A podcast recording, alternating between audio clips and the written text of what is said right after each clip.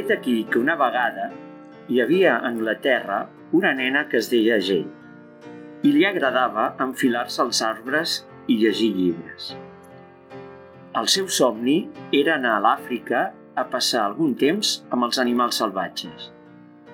Així que un dia la Jane va viatjar a Tanzània amb el quadern i els binocles decidida a estudiar els ximpancers en el seu entorn natural.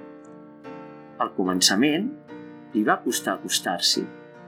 Els ximpancers fugien de seguida que la veien, però la gent va continuar anant al mateix lloc a la mateixa hora un dia i un altre, fins que va començar a notar algun canvi. Cada vegada veia els ximpancers menys inquiets davant la seva presència. Un dia els ximpancers la van deixar que s'acostés més, però la gent no en tenia prou. Volia fer-se amiga d'ells i es va inventar el Club del Plàtan.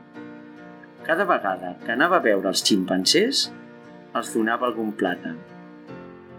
En aquella època se sabia molt poques coses dels ximpancers. Els científics, fins aleshores, sempre els havien observat des de lluny, amb prismàtics. D'altres estudiaven ximpancers engaviats. La gent, en canvi, es passava hores en companyia dels ximpancers. Va provar de parlar amb ells fent servir grunys i crits. Es va enfilar als arbres i va menjar el mateix que ells. La gent va descobrir que els ximpancers tenen rituals, que fan servir eines i que el seu llenguatge està compost com a mínim per 20 sons diferents. Fins i tot va descobrir que els ximpancers no són vegetarians. Una vegada la gent va rescatar un ximpanzé ferit i el va curar.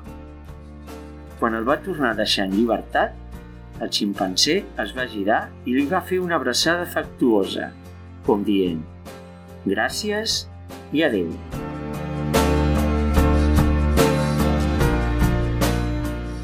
Segurament ho heu anat endevinant. Estem parlant de la gent Godal, primatòloga del Regne Unit, nascuda el 3 d'abril de 1934. Avui hem volgut començar amb aquest resum biogràfic de la vida de Jane Goodall per parlar de la 27a edició de la Setmana de la Ciència que començarà demà mateix.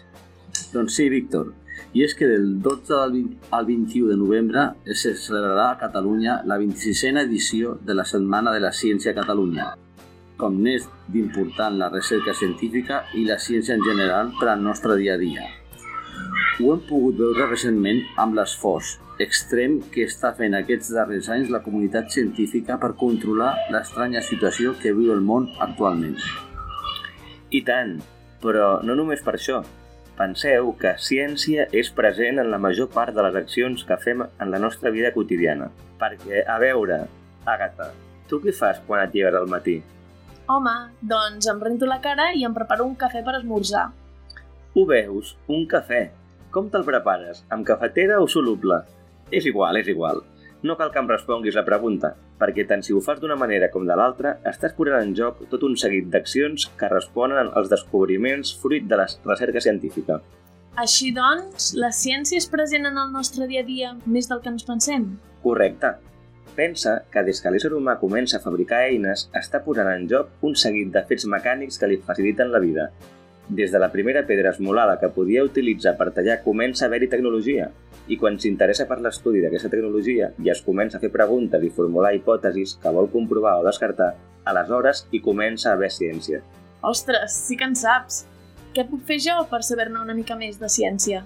Doncs mira, jo crec que potser pots participar en alguna de les activitats que s'organitzen en el marc de la Setmana de la Ciència. A partir de divendres 12 i fins al dia 21 de novembre s'organitzaran tot un munt d'activitats de disseminació de la ciència arreu del nostre territori. Hi ha jornades de portes obertes, activitats virtuals, exposicions, tallers científics, una gran oferta científica en diferents formats a l'abast de tothom. I és que la Setmana de la Ciència s'adreça a tots els públics i té com a objectius fonamentals apropar la ciència i la tecnologia a la ciutadania i fomentar les vocacions científiques entre els més joves. Aquest any, la Setmana de la Ciència se centrarà en el tema de la sostenibilitat.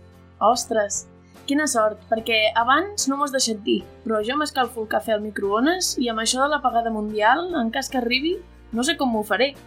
Bé, potser en aquest cas el teu cafè no seria el més greu.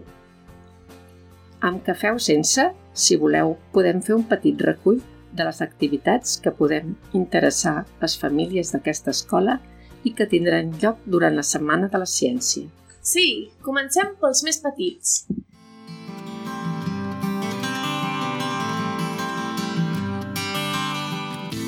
Si us agrada experimentar amb materials naturals i us interessa la ciència, us interessarà el niu de ciència familiar. Es tracta d'una activitat d'experimentació i descoberta destinada a infants entre 2 i 6 anys, en la que podran experimentar amb materials naturals suggeridors que potser els portin a fer-se preguntes, a partir de les quals sentin interès per començar a investigar.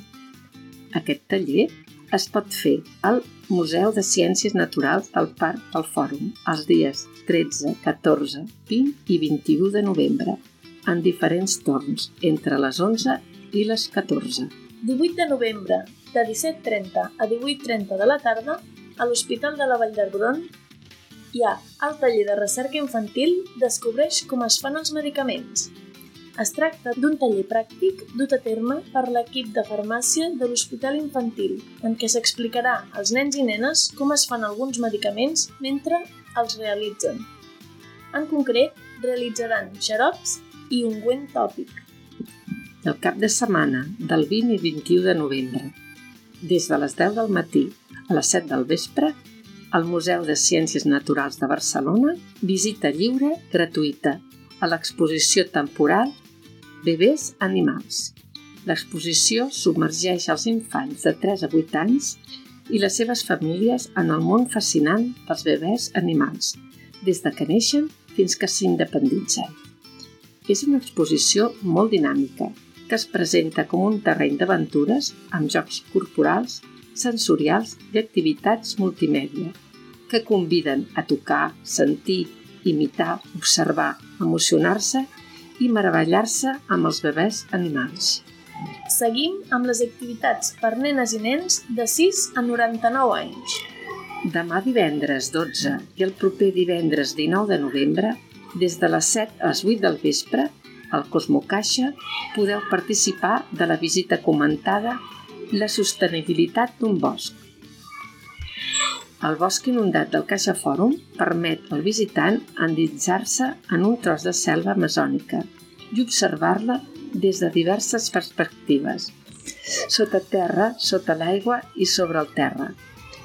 Podrem conèixer els seus recursos naturals, la diversitat d'éssers vius que habiten i la dinàmica que s'estableix entre ells.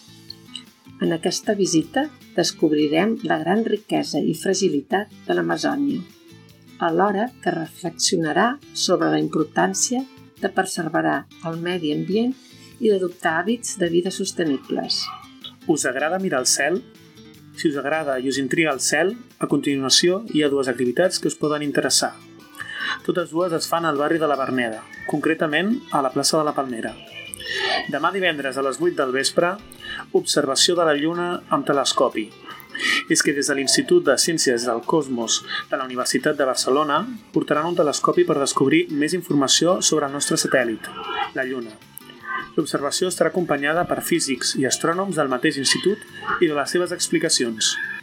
Vols conèixer que s'enfada la sang un cop surt del braç del donant? T'interessa conèixer els usos terapèutics de les cèl·lules mare de la sang del cordó? Vols veure els ultracongeladors on es conserven els teixits?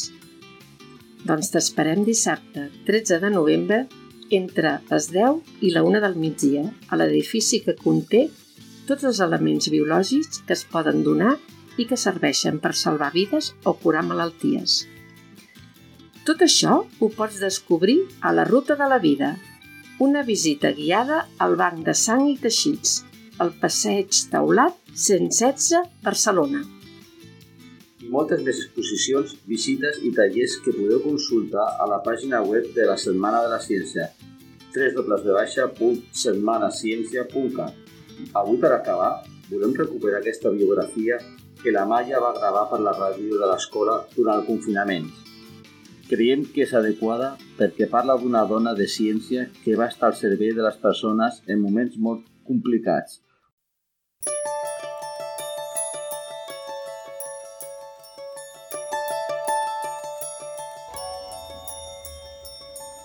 Hi havia una vegada una nena que es deia Mary, que era molt bona cuidant les nines. Si n'hi havia una que tenia febre, la Mary li posava al front un drap humit. Si una altra tenia mal de panxa, li donava una mica de te de mentida. La mare de la Mary coneixia l'antic art africà de les herbes remeieres i havia curat molts malalts a Kingston, Jamaica, que era el poble on vivien aleshores. Als 12 anys, la Mary ja s'ocupava de curar gent de debò. Quan va ser més gran, va començar a viatjar, cosa que era molt poc freqüent entre les dones de, de l'època. Va passar per les Bahames, Haití i Cuba, per trobar gent que, com la seva mare, sabés com utilitzar les herbes medicinals. A Panamà va posar-se en perill ajudant a infermeres i doctors a curar pacients durant un brot de còlera. Quan va esclatar la guerra de Crimea, la Mary va anar a Londres a demanar a l'Armada Britànica si els calia ajuda al front, li van dir que no, perquè no es refiaven de les dones que practicaven medicina, però la Mary se n'hi va anar igualment, tota sola, i va obrir l'Hotel Britànic, un lloc on els soldats podien refer-se i agafar forces abans d'emprendre el viatge de tornada a casa. La Mary va anar molts cops fins a la primera línia de front, amb dues mules per portar medicaments i menjar als soldats. Per ella, un soldat ferit no era sinó un ésser humà ferit, no feia distincions de banderes i ajudava els homes de tots dos fronts, sovint mentre les bales li sobrevolaven, li sobrevolaven el cap i els canons ressonaven per tot arreu. Quan va tornar a casa, va escriure un llibre que va ser tot un èxit de vendes, Les fabuloses aventures del senyora Sicol en moltes terres.